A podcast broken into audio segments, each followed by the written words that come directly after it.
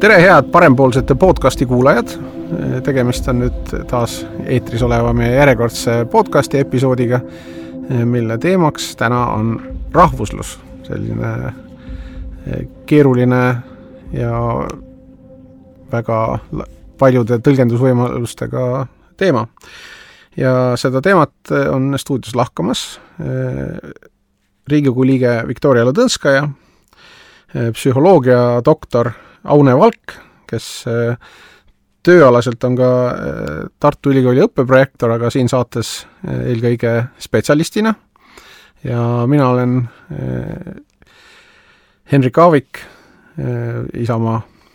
parempoolset podcasti saatejuht ja ühtlasi parempoolsete liige. minnes rahvusluse teemasse sisse, siis äh, mõtestab seda ilmselt eh, iga inimene väga erinevalt, me oleme kuulnud eh, lauseid avatud rahvuslus eh, ja suletud rahvuslus, kas riik peab olema avatud või suve, suletud,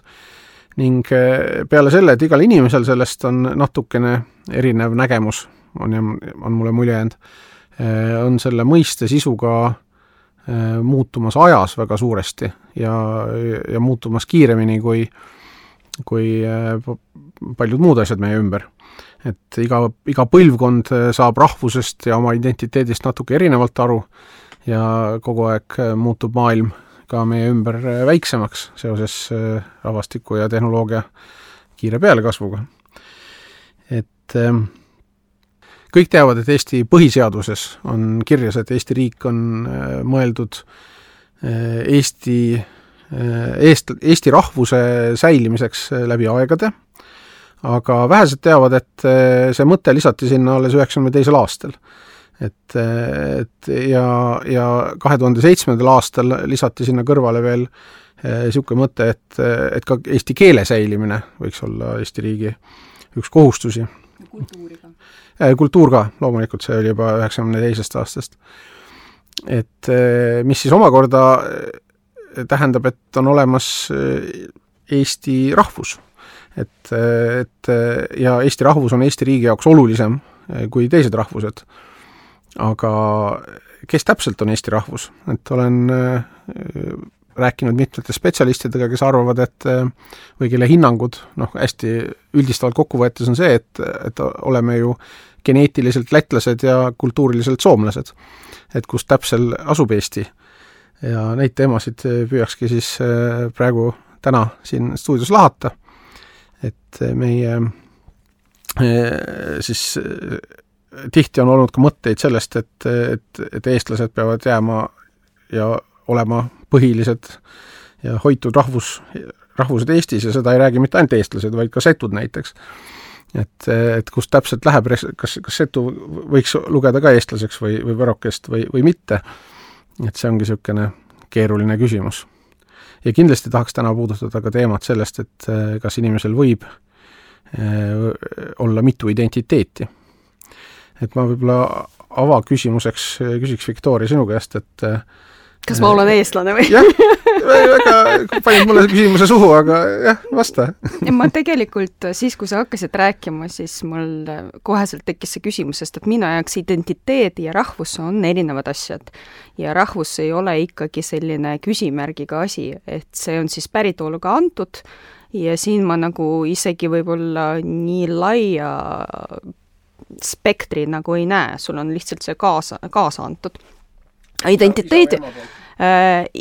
isa või ema poolt või isa ja ema poolt ja selles mõttes, et see on nagu üsna kindel nagu mõiste. teine asi on see identiteet ja kuidas sa nagu ennast nagu liigutad keeleliselt, kultuuriliselt äh,, no ka oma nagu ühiskonna positsiooni poole pealt ja nii edasi, et see on nagu hoopis nagu keerulisem asi kui ma nüüd proovin vastata sellele küsimusele, mis on minu arust ei ole üldse provokatiivne küsimus, et sest et noh,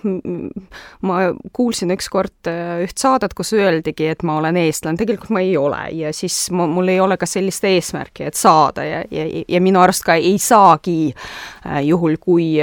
see ei ole nagu päritoluga antud ja ei pea nagu sellist nagu eesmärki üldse nagu justkui endale püstitama, sellepärast et mul on oma juur, mul on oma päritolu ja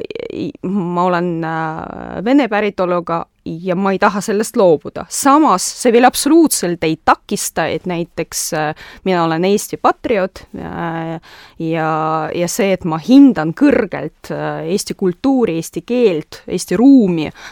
komberuumi, põhiseadust ja nii edasi, see, ühesõnaga, see ei võta minult mitte midagi ära, vaid vastupidi, annab juurde. ja, ja selles mõttes ma arvan, et identiteet äh, ehk mul ei ole ähm, mm, öelda rahvuse pinnalt nagu otsustatud, aga rahvus on kõikidel, ma arvan, et ikkagi sünnist saadik. see oleks minu vastus. Aune, kes sinu arvates on eestlane? siit on väga hea jätkata või selles mõttes, et palju selliseid, ähm, kuidas öelda, teemaavanguid on juba tehtud, et ma muidugi tahaks Viktoriaga natuke vaielda selle nii-öelda rahvuse objektiivsuse üle, et äh, et, äh, et kui mõelda selle peale, et noh, Kanada rahvaloenduses saab inimene märkida endale neli rahvust kõigi vanavanemate järgi, et sul võib olla neli rahvust, et siis mida see nii-öelda objektiivne rahvus äh, tähendab ja, ja teine on siis see, et, et kui sa, kui sinu vanemad ei ole sind selleks, selle rahvuse liikmeks kasvatanud, vaid et on näiteks emigreerunud selle mõttega, et, et saada, ma ei tea, majanduslikult paremini hakkama või mingi muu nii-öelda eesmärgiga assimileeruda kuskile, kuskile teise kultuuri. Et kui, kui sinu vanemad on küll mõlemad näiteks venelased, aga, aga on liikunud kuskile teise kultuuri ja sinu kooliharidus ja sinu sõbrad ja kõik see, see on sind kasvatatud kellekski teiseks, et siis seal tekib ühel hetkel see küsimus, et, et mis su rahvus siis on et kas saab siis nii-öelda vanemate, mille järgi siis see on, et, et see eeldab ikkagi seda, et ju vanemad ka see nii-öelda rahvuse objektiivsuse küsimus on see, et, et, et vanemad on öelnud, et nad on venelased. et, et mis siis, kui, kui nende vanemad oleksid olnud mingi segu, eks ole, Ukraina ja ma ei tea, noh, mingid, ma ei tea, murtidest, eks ole, kes on assimileerunud venelaseks, et siis kus see objektiivne rahvuslus tekib et, et mina tahaks nagu selle üle vaielda, et, et ma arvan, et rahvus on, on, on paljudel, paljudel juhtudel tegelikult ka siiski selline subjektiivne ja, ja seotud identiteediga, et identiteet on teadmine äh, mingisse gruppi kuulumisest koos sellele teadmisele omistatud äh, väärtuse ja tähendusega. et see äh, teadmine võib olla nii-öelda objektiivsetel alustel, mis iganes see objektiivsus on, eks ole, et see päris eestlase küsimus, et kes on päris eestlased, et mitu põlve peab siis olema esivanemad eestlasena ennast defineerinud. Ja, ja siis äh, ennekõike tõesti, mis on oluline, on see, see väärtuse tähendus, mis sellele teadmisele nagu äh, juurde on kasvatatud, äh, saadud, ise omandatud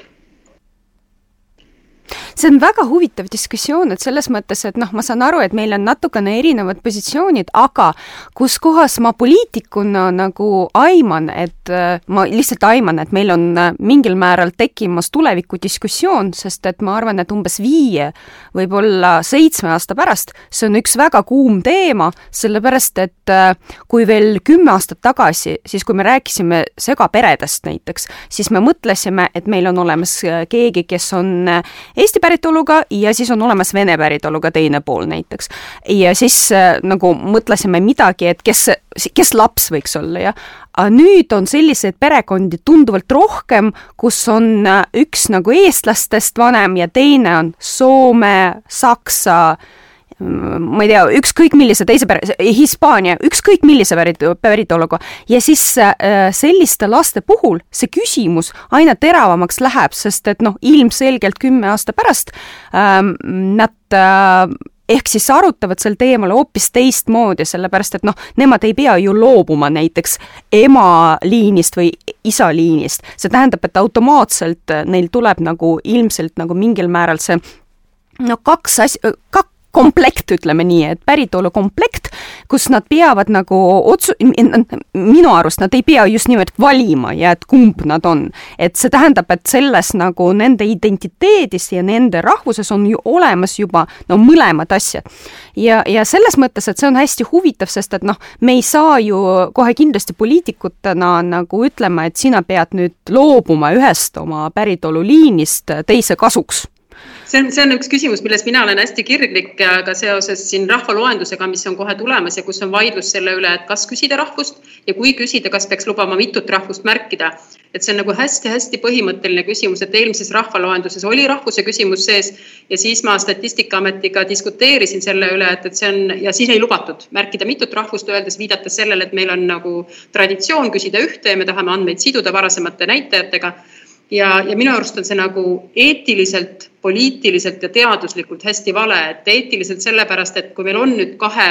erinevast rahvusest vanema laps ja talle sunnitakse ütlema, et, et ma olen kes, ma, sisuliselt pean oma kahe vanema vahel valima ja poliitiliselt selles mõttes, et tegelikult meie lõimumispoliitika viimased kakskümmend aastat, üle kahekümne juba, on väga selgelt olnud äh, mitmekultuurilisust toetav ja ütleb tegelikult inimestele, et säilitage oma päritolukultuur ja saage osa Eesti kultuurist. et ta sisuliselt nagu julgustab inimesi kakskultuursuse suunas ja kui me nüüd rahvaloendusel ei luba Äh, nendel inimestel, kes on mõnes mõttes selle raske valiku teinud, sest et alati kakskultuursus on mingis mõttes nagu selline teadlik äh, otsus ja ta nõuab natukene rohkem pingutust kui see, et, et ma sulgun nii-öelda ühte kultuuri. ja, ja kolmandaks muidugi teaduslikult on ikkagi nagu väga oluline teada saada, et kui palju meil on neid inimesi, kes ennast kakskultuursena defineerivad, et, et uuringutes muidu äh, Eesti nii-öelda vene päritolu inimestest kolmandik ütleb enda kohta eesti venelane ta ei ütle eestlane ja venelane, vaid ta ütleb eesti venelane, aga need inimesed on selgelt teistsugused, teistsuguste hoiakute, suhtumistega kui need, kes ütlevad ainult puhtalt venelane. et, et, et Eestis lihtsalt see kakskultuursus on läbi sellise nii-öelda sellise sõna nagu eesti venelane defineeritud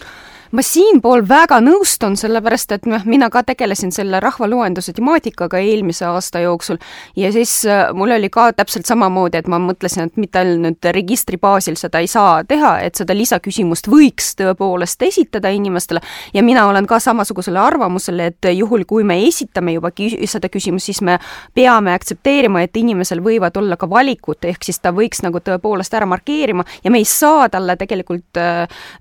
öelda, et et sa pead valima ema ja, ja isa vahel näiteks juhul, kui vanemad on erinevat päritolu. ja teine teema, mis siit ka ilusti tuleb välja, on seesama eesti venelase mentaliteet, eesti venelase identiteet. Äh, sest et mina ka nagu, kui küsida päris nagu ausalt, et nagu, et mis on minu identiteet, siis mina kogu aeg rõhutan ka, et mina olen eesti ja vene äh, identiteedi äh, ja seda nagu tänu, just tänu Tartu Ülikoolile ma sain teada, sellepärast et aastal kaks tuhat, kui ma ei eks ju, hakati kasutama seda mõistet ja siis ma sain aru, et see mõiste just suurepäraselt kirjeldab ära, kes ma tegelikult olen. sest et noh, ei saa minust juba nagu kuidagi noh, ära võtta seda, et mis on Eesti juba andnud, aga samas ma ei, ei arva, et see oleks loogiline, kui mina näiteks hakkaks mängima mängu, et justkui vene päritolu puudub või siis ma, et ma tahaks sellest loobuda, kindlasti ei taha ka. ja see mõiste tegelikult nagu väga hästi määratleb ja annab nagu noh, mulle nagu minu identiteedile nagu sisu. et eh, Statistikaameti koduleheküljelt leidsin veel niisuguse mõiste nagu põlisrahvastik. Ja siis ma hakkasin mõtlema, et, et kui kaua peab Eestis elama, et olla põhis, põlis, põline. et eh, kas üks põlvkond, kaks põlvkonda, kolm põlvkonda, et, et ma arvan küll, et väga suurt osa Eesti, Eestis elavatest venelastest võiks ju lugeda põlist rahvastiku hulka, aga Statistikaamet vist nii ei, ei arvuta. ja teine mõte, mis mul on see, et et aga kuidas su laps on ka venelane või? Mul laps, no miks ma räägingi, et see on siis tuleviku teema, sellepärast et ma vaatan ähm, tema sõbrannasid, ma vaatan, et äh, millised lapsed äh, on meil õues, kellega ta mängib, hästi palju selliseid perekondi, kus tõepoolest on olemas veel teine kultuur, mis on juurde tulnud, et äh, isa poolt või ema poolt. Ja tõepoolest need on hästi erinevad. Perekonnad Ukrainast, tõepoolest Hispaania taustaga, Soome taustaga, Saksa taustaga. Ja ma vaatan, et kuidas nad räägivad ka oma vanematega mitte ainult eesti keelt minu lapse puhul, et äh, ma küll temaga proovisin juba tasapisi rääkida, et mis on tema identiteet, esitada talle küsimusi, aga samas ma näen, et kuidas ta hoogsalt tunneb ennast nagu väga mugavalt nii eesti kultuuris kui ka vene kultuuris, absoluutselt vabalt räägib eesti ja vene keelt, me, see oli nagu perekonna otsus, et koheselt ta läks eesti lasteaeda, Äh, samas kodus ma jätkasin temaga suhtlemist ainult vene keeles, selleks, et ta nagu noh, tunneks ennast mugavalt nii eesti kui ka vene keeles. lõppkokkuvõttes äh, siis, kui oli äh, esimese klassi teema, siis oli loogiline valik, et ta läks eesti kooli, aga endiselt ma räägin temaga kodus vene keeles. Äh, isaga ta suhtleb eesti keeles, äh, koolis ta suhtleb eesti keeles ja sõbrannad tal on nii äh, eesti kui ka vene taustaga ja, ja ta nagu, ta ei, ta ei peaks valima ja ma kohe kindlasti tahaks, et ta oleks selline bilingvaalne ja bikultuurne ka. Jah, sealsamas Statistikaameti koduleheküljel ma leidsin veel ka niisugused äh, rahvuse nagu, et ei tea, et Eestis on kolmteist tuhat inimest, kelle rahvus on teadmata. ma ei tea, kust need, kuidas need küsitlusega kätte saadi, aga küllap on mingi võimalus, aga Aune, soovid midagi öelda? jaa, kohe mitut asja sooviks öelda, ma ütlen kõigepealt selle ei tea kohta, et, et seal on kindlasti nagu no, positiivseid juhtumeid ka, aga, aga noh, see on nüüd see kõige kurvem äh, tee, mis juhtub äh, sageli sellega, et inimene otsustab assimileeruda ja mis äh, siis laiem ühiskond ei võta teda omaks, tõenäoliselt ma ei tea, tal on vene nimi ja ta ikkagi räägib eesti keelt aktsendiga, aga ta on otsustanud või et tema lapsed peavad saama näiteks eestlasteks. ja ühiskond ei võta seda omaks, ütleb, et sinu rahvus on ainult sinu päritolu kaudu ja sa ei saa saada eestlaseks. ja siis, mis selle inimesega juhtub, on tõenäoliselt marginaliseerumine ehk see, et tal ei ole ühtegi rahvust, sest tal, teda ei ole venelaseks kasvatatud, ta ei ole eestlaseks saanud saada ja lõpuks on see, et, et tal on lihtsam öelda, et ma ei tea, sellepärast et tal ei olegi seda rahvust, aga, aga noh, seal võib olla muid juhtumeid ka, et, et sul on neid rahvuseid nii palju või sa oled nii kosmopoliitne, et, et ka neid inimesi on. aga ma Victoriale vastuseks või nii-öelda kommentaariks tahtsin öelda, et see on nagu kõige noh, suurepärane on see, et, et, et pere, et noh, teie pere ja, ja paljud teised pered, kes on kakskultuursed või mitmekultuursed, oma lapsi mitmekultuurseteks kasvatavad ja siin on minu arust hästi oluline see, et me nüüd ühiskonna tule, ühiskonnana tuleme, tuleme järgi koolina, meedias, ma ei tea, avalikkuses, et meil on normaalne olla mitmekultuurne. et meil ei ole see, et, et me siis ütleme, et aga nemad on kuidagi poolkultuursed või et noh, et, et see, nad ei ole siis kumbki, eks ole, et, et selline eh, sund, sunnitud valik, et, et hästi kurb oli lugeda Äh, uuringuid, mis on tehtud siis äh, vene õpilastega, et tegelikult nii eestikeelses koolis või keelekümbluskoolis kui venekeelses koolis, kus äh, lihtne valik on valida vene identiteet, mitte valida topeltidentiteeti, sellepärast et, et kui sa valid topeltidentiteedi, siis sul ei ole nagu seda õiget kohta et, et sul on lihtne nii-öelda valida üks identiteet ja noh, kui sul on vene päritolu vanemad või vähemasti üks vene, vene päritolu vanem ja sa õpid venekeelses koolis, et siis on lihtne valida nii-öelda selline üks identiteet, mis, mis paljudel on siis vene identiteet. et see on minu arust see töö, mida me peame tegema koolis, et ennekõike koolis, aga noh, mujal ka ühiskonnas laiemalt, et kakskultuurne on olla hea et see on esiteks normaalne, see on hea, see on võimalik ja, ja julgustama lapsi olema, sest et mul on üks näide, kus kus siin Annelinna gümnaasiumis, kus alustati siin esimese koolina ühe, ühe, ühtedest, ühtedest esimestest koolidest, kes alustas sellist eesti keele õpet või süvendatud eesti keele ja kultuuriõpet venelastele ja siis mul üks õpetaja kurtis kunagi, et mul on nüüd kolmanda klassi lapsed, kelle vanemad on puhtad venelased, eesti keelt üldse eriti hästi ei räägi, aga on lapsed siia kooli pannud ja laps kuskil kolmandas klassis hakkab ütlema, et aga mina olen eestlane, ma tahan ka olla eestlane. et mis ma nendele lastele pean ütlema, kas ma pean ütlema, et ei, te ei saa olla, sest et te, sinu vanemad on venelased? Või ma pean kuidagi julgustama tema sellist eestlaseks saamise püüdu ja noh, minu ainukene vastus oli see, et, et, et tegelikult sa saad öelda, et sa ei pea valima, sa võid olla nii eestlane kui venelane, et kindlasti ta ei tohi oma vanemate nii-öelda identiteedi vastu pöörduda. et see oleks väga vale valik ja, ja, ja laps võib-olla pöörduks sellest tagasi. Aga, aga me ei saa talle kindlasti ka öelda, et sa ei saa saada eestlaseks, et ta saab saada eestlaseks. see on nüüd see, see, see küsimus minu arust, kus me peame nagu ühiskonnana, ühiskonnana ise julgustama seda mitmekultuurilisust. aitäh, Aune, et sa just juhtisidki jutu teema sinna, kuhu ma tahtsin edasi liikuda, et et tegelikult on rahvus ikkagi noh, kuna ta on juba põhiseaduses sees, siis on, on ta riigile oluline. ja riik peaks ju ka omama arvamust ja suunamisjõudu eh, selle üle, mis rahvusest on inimesed, noh mõistagi, kuna meil on demokraatlik ühiskond, siis me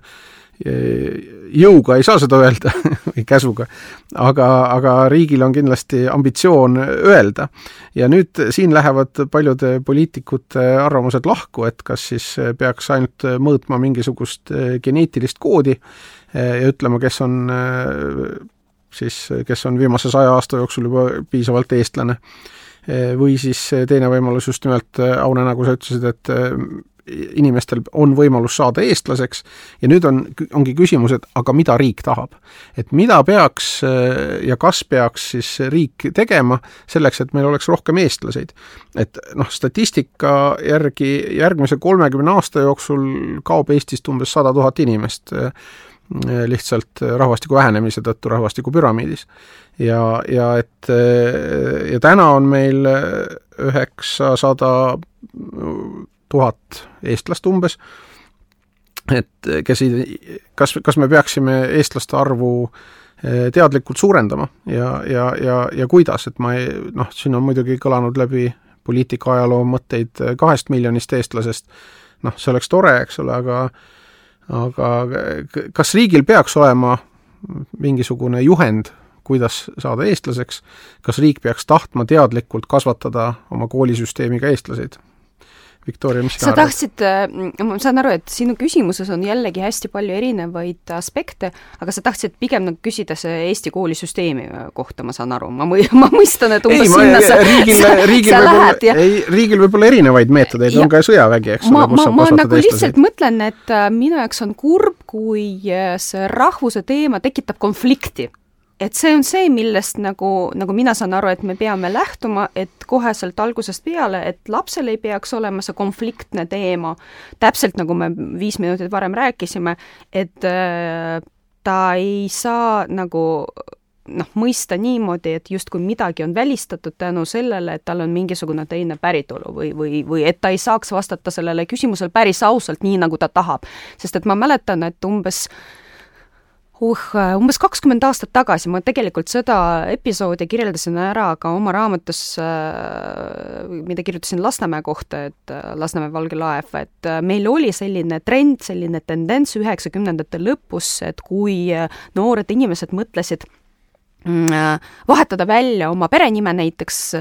eestikeelseks perenimeks ja, või et oleks noh, mingil määral nagu justkui nimega öeldud, et ma olen eestlane. oli mitu varianti, äh, me teadsime, kui palju see maksab ja siis mõned inimesed, noh, nagu ma ra-, raamatus kirjeldan ära, läksid seda teed, et tegid ära.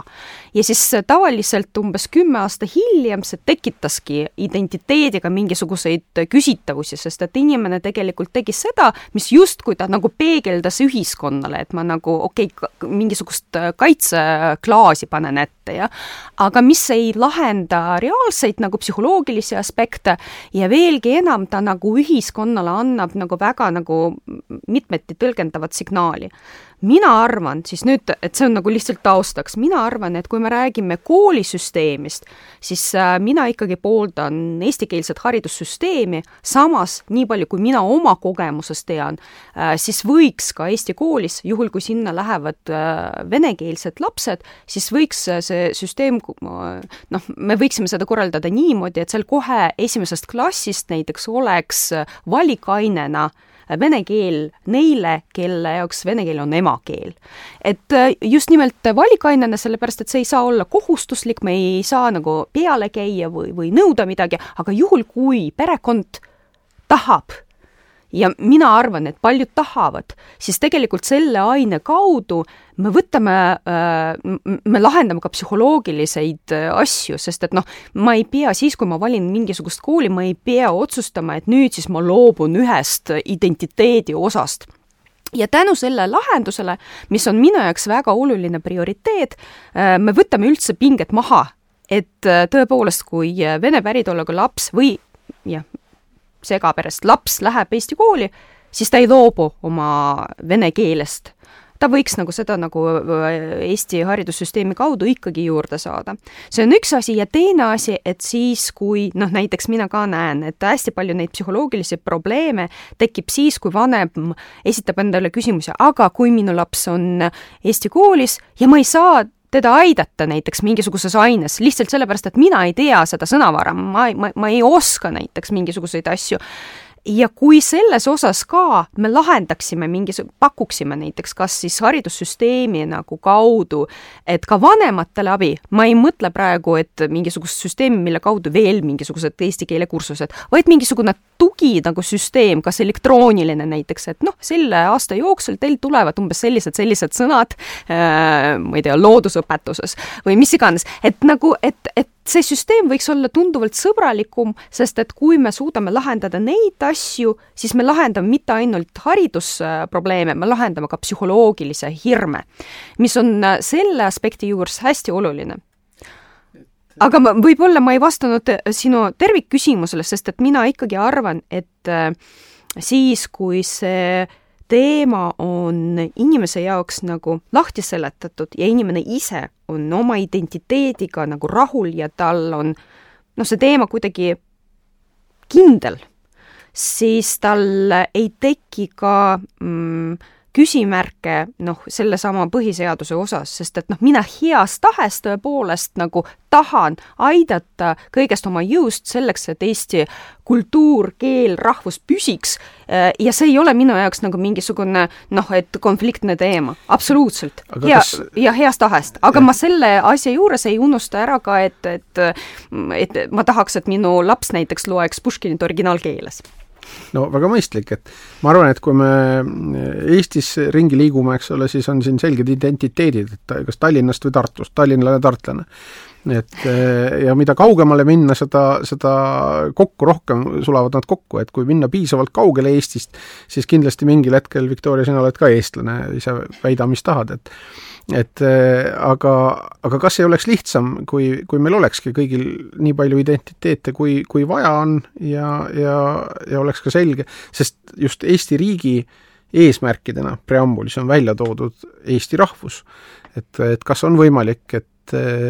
et me saame kõik Eesti kodanikud varem või hiljem Eesti rahvuse osaks Aune, mis sina arvad? ja eks see ongi see rahvuse definitsiooni küsimus, et, et et äh, tea-, teaduskirjanduses sellepärast tõmmatakse ka vahe etnilise grupi või etnilise päritolu ja rahvuse vahel, sest et rahvus on väga nagu mitmetasandi mõiste, et noh, rahvus enamasti ingliskeelsetes terminites on ikkagi kodakondsus, et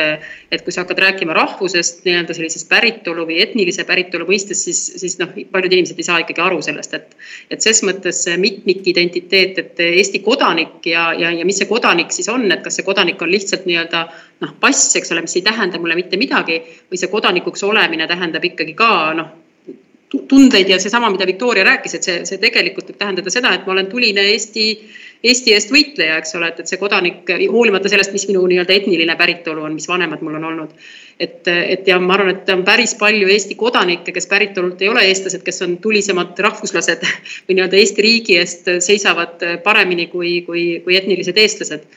ja eks see, ma arvan, et see meie vaidlused siin, ma ei tea, meedias või poliitikas äh, tulenevadki ju sellest, et me tõenäoliselt, äh, ma arvan, et suur enamus inimesi tahavad nii-öelda Eesti riigile ja Eesti rahvusele äh, head, aga lihtsalt need meetodid või noh, eestlaste hulgas vähemasti ma arvan, et see nii on, et aga lihtsalt see arusaam meetoditest on erinev, eks ole, et, et keegi arvab, et ta kaitseb Eesti rahvust sellega, et ehitab müüre ja ütleb, et kes tohib ja kes ei tohi olla eestlane ja, ja, ja, ja kuidas Eesti kooli, Eesti kool muutub kohe väga kehvaks, kui sinna nii-öelda venelasi võiks või, või mingid muud rahvuse, muust rahvusest lapsi juurde võtta. ja teine variant, et see sinu algne küsimus, eks ole, et kuidas Eesti rahvust kasvatada või Eesti rahvast kasvatada, siis noh, mina arvan, et üks äh, tulevikku vaatav meetod on ikkagi selles, et me oleme oma rahvusluse ja, ja oma, oma nii-öelda, kuidas öelda, ühiskonna kaasatusest niivõrd, nii palju avatud, et kõik need, kes on siin mitmekultuurilises perekonnas sündinud lapsed, et Eesti ja Itaalia või Eesti ja Vene või ükskõik, et nad tahaksid olla eestlased ka ja tahaksid olla või jääda ka Eestisse elama ja need, kes on abiellunud välismaale ja on ka nii-öelda eestlased ja mis iganes siis muu rahvuse esindajad, et nad saaksid aru, et, et ei, Eesti ühiskond on nii äge ja avatud ühiskond, et mul on siin koht olemas, et mind oodatakse siia hoolimata sellest, et, et ma ei ole puhas eestlane. et selles mõttes läbi sellise avatuse nii-öelda ja võimaluse saada eestlasteks, kui sa oled siin, ma ei tea, võib-olla välistudengina siia tulnud, kakskümmend aastat siin töötanud ja, ja ühel hetkel tunned, et see on see riik, kus sa tahad olla ja, ja, ja, ja, ja oma lapsed siin kooli panna ja meil on väga ägedaid, kui ma vaatan kasvõi tõesti meie, meie õppejõude, siis, siis, siis, siis nad on siin, eks ole, ja nende lapsed kasvavad osaliselt eestlasteks, hoolimata sellest, et, et kumbki vanem ei ole eestlane. et, et ma arvan, et see on see minu, minu jaoks see viis, kuidas nii-öelda rahv, rahvust kasvatada või rahvast kasvatada see on tegelikult väga huvitav äh, diskussioon ja see mõiste mulle iseenesest väga meeldib, see avatud rahvuslus. Äh, kuigi ma saan aru, et see on nii mitmeti tõlgendatav ja viimasel ajal poliitikud pigem nagu noh, ma ei tea, mul, mul on selline tunne, et äh, siis, kui me räägime, kasutame seda mõistet, siis väga erinevalt äh, defineerivad seda, et mida see reaalselt tähendab nende jaoks. mulle see meeldib, endale ma seda proovin defineerida niimoodi, et sõltumata sellest, et mis on minu päritolu, sõltumata sellest, see ühiskond on väga avatud ka minu jaoks ja minul on täpselt samasugused õigused ja täpselt samasugused kohustused siin riigis. ja, ja selles mõttes, et kui kasutatakse poliitikute poole pealt mõistet avatud rahvuslus, siis see nagu on justkui suunatud ju nagu mulle Äh, minusugustele, et jah, me kõik koos võime ehitada edasi seda riiki. ja, ja, ja sellepärast ma nagu, ma väga toetan äh, seda, seda mõistet ja, ja üleüldiselt selle mõiste kasutamist ühe mõtte ütleks selle avatud rahvusluse juurde ka, et, et, et, et ma ise oma etnilise identiteedi uuringutes olen eristanud sellist kahte identiteedi aspekti, et üks nendest on äh, on etniline uhkus ja kuuluvustunne, mis on nagu noh, kõlab nagu kaks asja, uhkus ja kuuluvustunne, et, et seal ongi kaks asja, aga inimeste jaoks need nii-öelda on peas üks ja sama asi, et, et sinna, kuhu ma tunnen ennast kuuluvat, selle üle ma olen ka uhke. ja see on puhas selline positiivne uhkustunne, et seal ei ole mitte midagi nagu negatiivset, see on seotud kõrge enesehinnanguga ja ta on, ei ole kuidagi seotud negatiivsete hoiakutega teiste rahvuste suhtes. ja teine aspekt seal kõrval on etniline eristamine mis, mis ütleb seda, et, et oluline on tõmmata piire teiste rahvustega ja, ja ütleme, abiellumisel eelistada oma rahvusest inimest ja, ja noh, ta ei ole selline vihkamine, nii-öelda vihkamise tunne, aga ta on selgelt noh, et just selle, et, et rah-, et, et identiteedis on piiride teema hästi tähtis. ja, ja need kaks aspekti võivad olla omavahel seotud, eestlaste puhul nad kakskümmend aastat tagasi olid omavahel seotud ehk need, kes olid uhkemad, need olid ka eristavamad või need eristasid tugevamalt. ehk Eesti identiteet oli kuidas öelda, ta oligi suletud selles mõttes, et ma defineerisin oma uhkuse läbi selle, et ma noh, mida vähem sa olid venelane, seda rohkem sa olid või seda õige, õige eestlane sa olid. täna need kaks asja ei ole enam seotud ja meie etniline eristamine on muutunud nõrgemaks ja see kuidagi ei ole mõjutanud negatiivselt meie uhkustunnet. me oleme ikka sama uhked kui kakskümmend aastat tagasi, aga me ei ole enam nii eristavad. ehk siis tegelikult me näeme lihtsalt seda identiteedi avatumaks muutumist läbi viimase paarikümne aasta, noh, tõenäoliselt enamik eestlasi on muutunud, kuidas öelda enesekindlamaks oma identiteedis, me ei karda enam nii palju või vähemasti enamik meist ei karda enam nii palju, et me nüüd kohe sureme välja. ja, ja see on hästi-hästi positiivne ja see, see, see, see, see enesekindlus annab meile ka avatuse või nii-öelda julguse olla positiivsed teiste suhtes, et me ei pea enam olema pidevas sellises sõjaseisukorras, et rusikad on igaks juhuks taskus jah, see, see, see hirm on ja eks see hirm oli ka väga põhjendatud kindlasti omal ajal. et mul oli näiteks Leningradi oblastis üks sõber, kes oli küll venelane,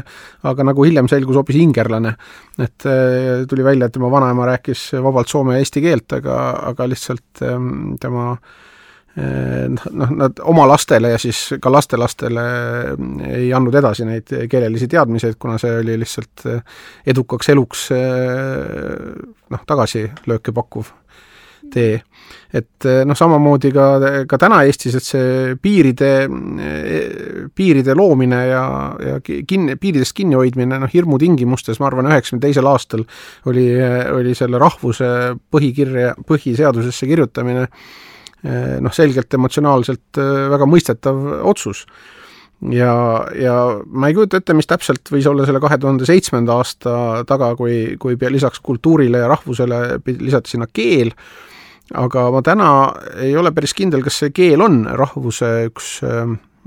osa, noh eesti keele säilimine on minu arust väga oluline,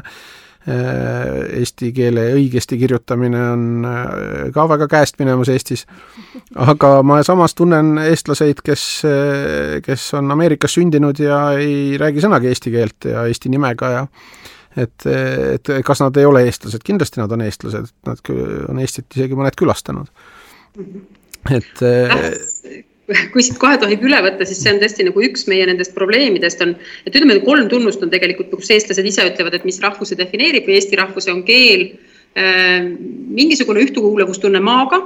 Äh, siin on väliseestlased muidugi teistsugusel arvamusel, väliseestlased selle maa asemel rõhutavad päritolu, et väliseestlaste puhul on tõesti hästi oluline see, et, et sul on kuskil mingid juured, et hoolimata sellest, et sa ise ei ela, ja kolmas on see lihtsalt nii-öelda tahtmine olla eestlane või nii-öelda soov olla eestlane. et need on need kolm asja ja, ja selles mõttes ma arvan, et kui keel siit nii-öelda kuidagi ära võtta, et noh, väliseestlaste puhul on, mina olen ka väga palju kohanud neid väliseestlasi, kes ütlevad, et mina olen eestlane, hoolimata sellest, et ta ütleb seda inglise keeles et ja siin on see põhiküsimus ei ole niivõrd selles, et, et nad ei tohiks olla eestlased ilma keelt oskamata, vaid põhiküsimus on selles, et eestlased ei tunnusta teised eestlased, nii-öelda päris eestlased. Eestis elavad eestlased ei tunnusta nende enesemääratlust ja see on probleem. et nad võivad olla Kanadas, Ameerikas julgelt eestlased edasi, aga kui nad tahavad tulla Eestisse, siis äh, tehakse neile päris kiiresti selgeks, et nad ei ole eestlased ja neil on siin noh, nii-öelda nad ei saa, nad ei saa seda enesemääratlust avalikkuses äh, hoida või see, neil tekivad kahtlused oma identiteedis. Et, et see on see koht, kus on küsimus sellest avatusest, et kui avatuna me eestlast defineerime, et kas kõik need kolm komponenti, kas sa pead elama Eestis, rääkima eesti keelt ja tahtma olla eestlane selleks, et olla tunnustatud eestlasena või on seal mingisugused võimalikud nagu kombinatsioonid, et, et see on see nagu avatuse küsimus mina äh, siin äh, näen lausa kolm suurt teemat, üks suur teema on see, et tõepoolest siis, kui eestlane enam ei ela Eesti äh, territooriumil, et siis kuidas nagu säilitada tema sidet ja tema tahet olla nagu kogu aeg kuidagi seotuna Eesti ruumiga, kas siis uudiste kaudu, kultuuri kaudu, no ükskõik millise nagu tegelikult nagu olulise aspekti kaudu. aga põhimõtteliselt siin ma just näen riigi roll Äh, riigi rolli, sellepärast et kui äh, noh, riik ei tegutse selle nimel, et see inimene jääks koos temaga, siis nagu see side tasapisi võib kaduda, juhul kui see inimene ei ole näiteks noh, sees nii tugev, et ta ise kogu aeg nagu tekitab endale nagu veel äh, lisa mingisuguseid sidemeid, aga no põhimõtteliselt see on see aspekt, kus tõepoolest nagu riik, riigiaparaat, ministrid, vastavad ministrid peaksid nagu mõtlema läbi, et kuidas me globaalses maailmas maailmas äh, areneme ka riigina niimoodi, et need inimesed, kes kas siis töö pärast, äh, suhete pärast või äh, teiste põhjuste pärast sõidavad ära, et nad ei kaoks ära kui Eesti identiteedi kandjad või rahvuse kandjad. see on üks aspekt. teine aspekt, kus ma, mul on natukene teine vaade, on seesama keele aspekt. kui ma enne seda rääkisin, et minul on teine päritolu, rahvus on teine, siis samas, kui minu käest küsida, kas eesti keel on minu oma, siis ma vastan jaa, kindlasti ta on minu oma, kuigi ma räägin siiamaani aktsendiga ja ilmselt see aktsent jääbki, aga põhimõtteliselt ikkagi see, et äh, kas see on minu maakeel, ju siis ta on minu keel. ja siis ta on kindlasti ka minu lapse keel, et selles mõttes, et siin on nagu noh, minusugustel on natukene teine vaade, kus meie loome pigem nagu seda seost väga tugevalt Eesti riigiga ja, ja noh, et äh, oli veel üks nüanss, aga nüüd siis ilmselt ununes, et kui tuleb meelde, siis ma jätkan et äh ah, tuli meelde. veel üks äh, oluline aspekt, kus ka riigi roll on tegelikult ülitähtis, on see demograafiline aspekt, sest et siis, kui me räägime rahvusest, siis me ei saa üle ega ümber, me peame rääkima ka demograafia aspektidest ja ilmselgelt siin ei ole ka see asi, et noh äh,, et et nagu riik ei saa öelda, et nüüd siis riik vajab lapsi näiteks, noh, me praeguses ühiskonnas me ei saa enam nagu mingisuguseid selliseid nõudmisi nagu tekitama, aga samas teha kõike äh, selleks, et kui äh, naine ja mees äh, perekond tahavad lapsi, et neil oleks nagu kõik võimalik selleks, et siin nagu äh, no ei, ei tekiks mingisuguseid liigseid takistusi, näiteks nad tunneksid, et neil on äh, kindel tunne, et nad moraalselt saavad hakkama, materiaalselt saavad hakkama, juhul kui see pere näiteks laguneb, et ikkagi nad saavad mõlemad hakkama, et ühesõnaga, et see nagu see kindlustunne kinkimine on just nimelt riigi ülesanne. Ja siis, kui see on, siis ehk need demograafia olukord noh, kas või natukene läheb üles. Ja see see on kohe kindlasti minu arust nagu niisugune riigi eesmärk. Aune ja ma arvan, et see demograafia teema on tähtis ja, ja meil on hästi palju räägitud sellest nii-öelda laste kasvatamise toetamisest ja tegelikult meil on ju vist üle maailma peaaegu et parimaid süsteeme nii-öelda toetamaks eh, laste kasvatust, eh, aga minu jaoks on üks hästi oluline koht selle juures on, kus me, kus me kaotame tegelikult oma inimesi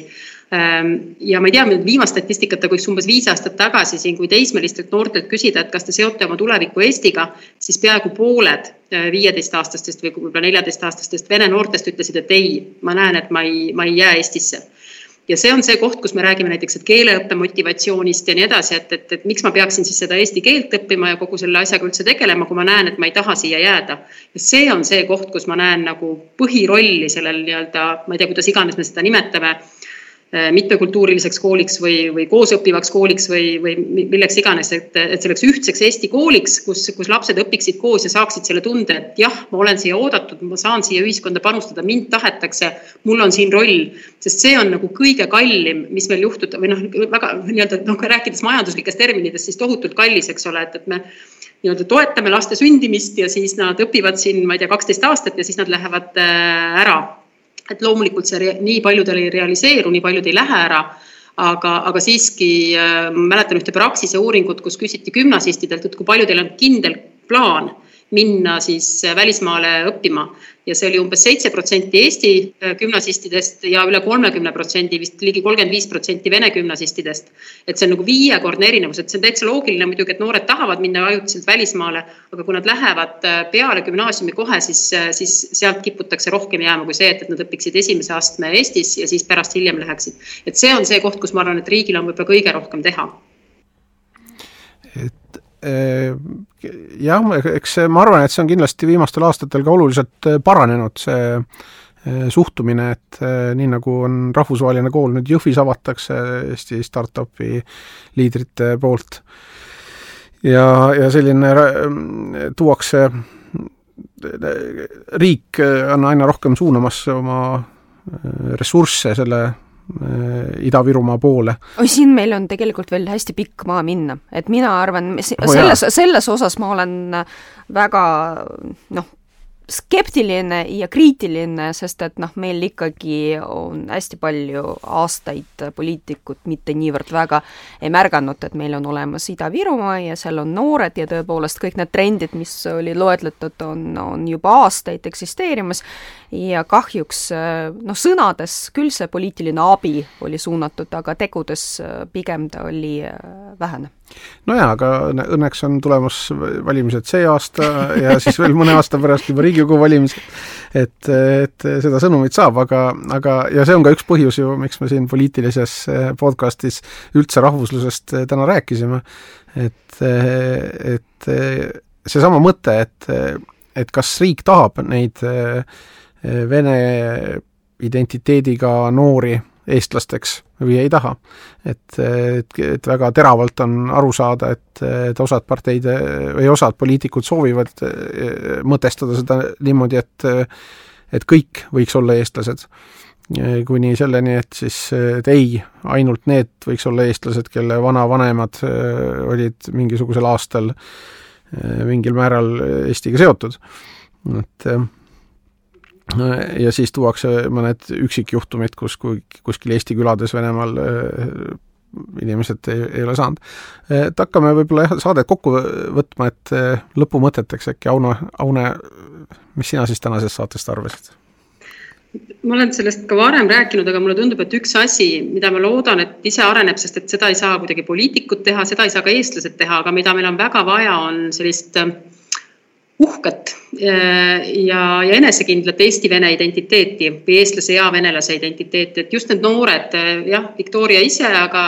tema laps, et, et kui ta, tema on loomulikult nii-öelda kakskultuurne et, et siis Eesti koolis tal ei, noh, tal oleks seal koht, et ei ole nii, nagu kunagi siin Jevgeni Ossinovski ütles ka, et, et, et kõige parem, mida ta koolis teha sai, oli see, et unustada kiiresti ära, et ta on venelane. Et kui sa lähed Eesti kooli, et siis sinu nii-öelda ellujäämistaktika on see, et, et sa, sa, sa, sa unustad oma identiteedi ära, et sa ei rõhuta seda, et sa saaksid olla uhke, et sa oled kakskultuurne. et see on see tee minu arust, kuhu me peame liikuma aitäh, mulle ka nagu tegelikult tundub, et see on kindlasti üks tuleviku teema, sest et nii palju, kui mina näen neid trende, eriti vaadates tõepoolest väikeseid lapsi, vaadates, kuidas nüüd siis nemad omavahel suhtlevad näiteks ja kuidas nad äh, siis, kui küsivad teine käes, teine, teise käest, et, et vaata, mis on su teine keel, ja siis, kui seda teist keelt justkui ei paista kuskil, siis nad nagu natukene, et, et, et šokis, kuidas saab nii olla, et nagu tavaliselt ikkagi nagu vaata, kodus tuleb kaks keelt korraga. et no, noh, suhteliselt paljudel on juba see olukord ja, ja see on nagu väga hea, sest et noh, siis kui meie haridussüsteem, kui meie nagu ühiskonnapoliitika annab äh, nagu mitte ära lõigata midagi, aga anda juurde, siis sellest äh, võidavad tegelikult äh, paljud ja ma just räägin äh, sellistest peredest nagu, nagu meie perekond. aga põhimõtteliselt ma olen arusaamisel, et see, see on väga huvitav ja väga pikk selline diskussioon, mis aina läheb ja läheb lahti, sellepärast et noh, siin on nii palju, tohutult palju neid aspekte, mida võib välja tuua äh,, aga kõige kurvem on muidugi see, kui poliitikud äh, hakkavad mängima selle teemaga, kui nad selle oma mängurluse kaudu hakkavad haiget tegema ja siis ehitavad neid piire äh, mis võib-olla ei ole inimeste peades, nagu näiteks noh, klaaslagi, see väga levinud mõiste, et, et nagu kui me kunstlikult midagi ei tekita, siis ma arvan, et kas see järgmine põlvkond, äh, kes tuleb, siis ta on, ehk annab vastuseid tänasele saatele jah, no rahvastikupoliitika on äh, kindlasti oluline ja ilmselt avatud äh, rahvuslus. mind natuke see avatud rahvusluse mõiste siiski häirib, sellepärast et minu arust võiks olla avatud mitte rahvuslus, vaid riik ja rahvuslus on ikka rahvuslus, lihtsalt me peame defineerima selle rahvuse mõiste selle all. ja, ja, ja just, et ja piirid eh, võiks olla lahtised.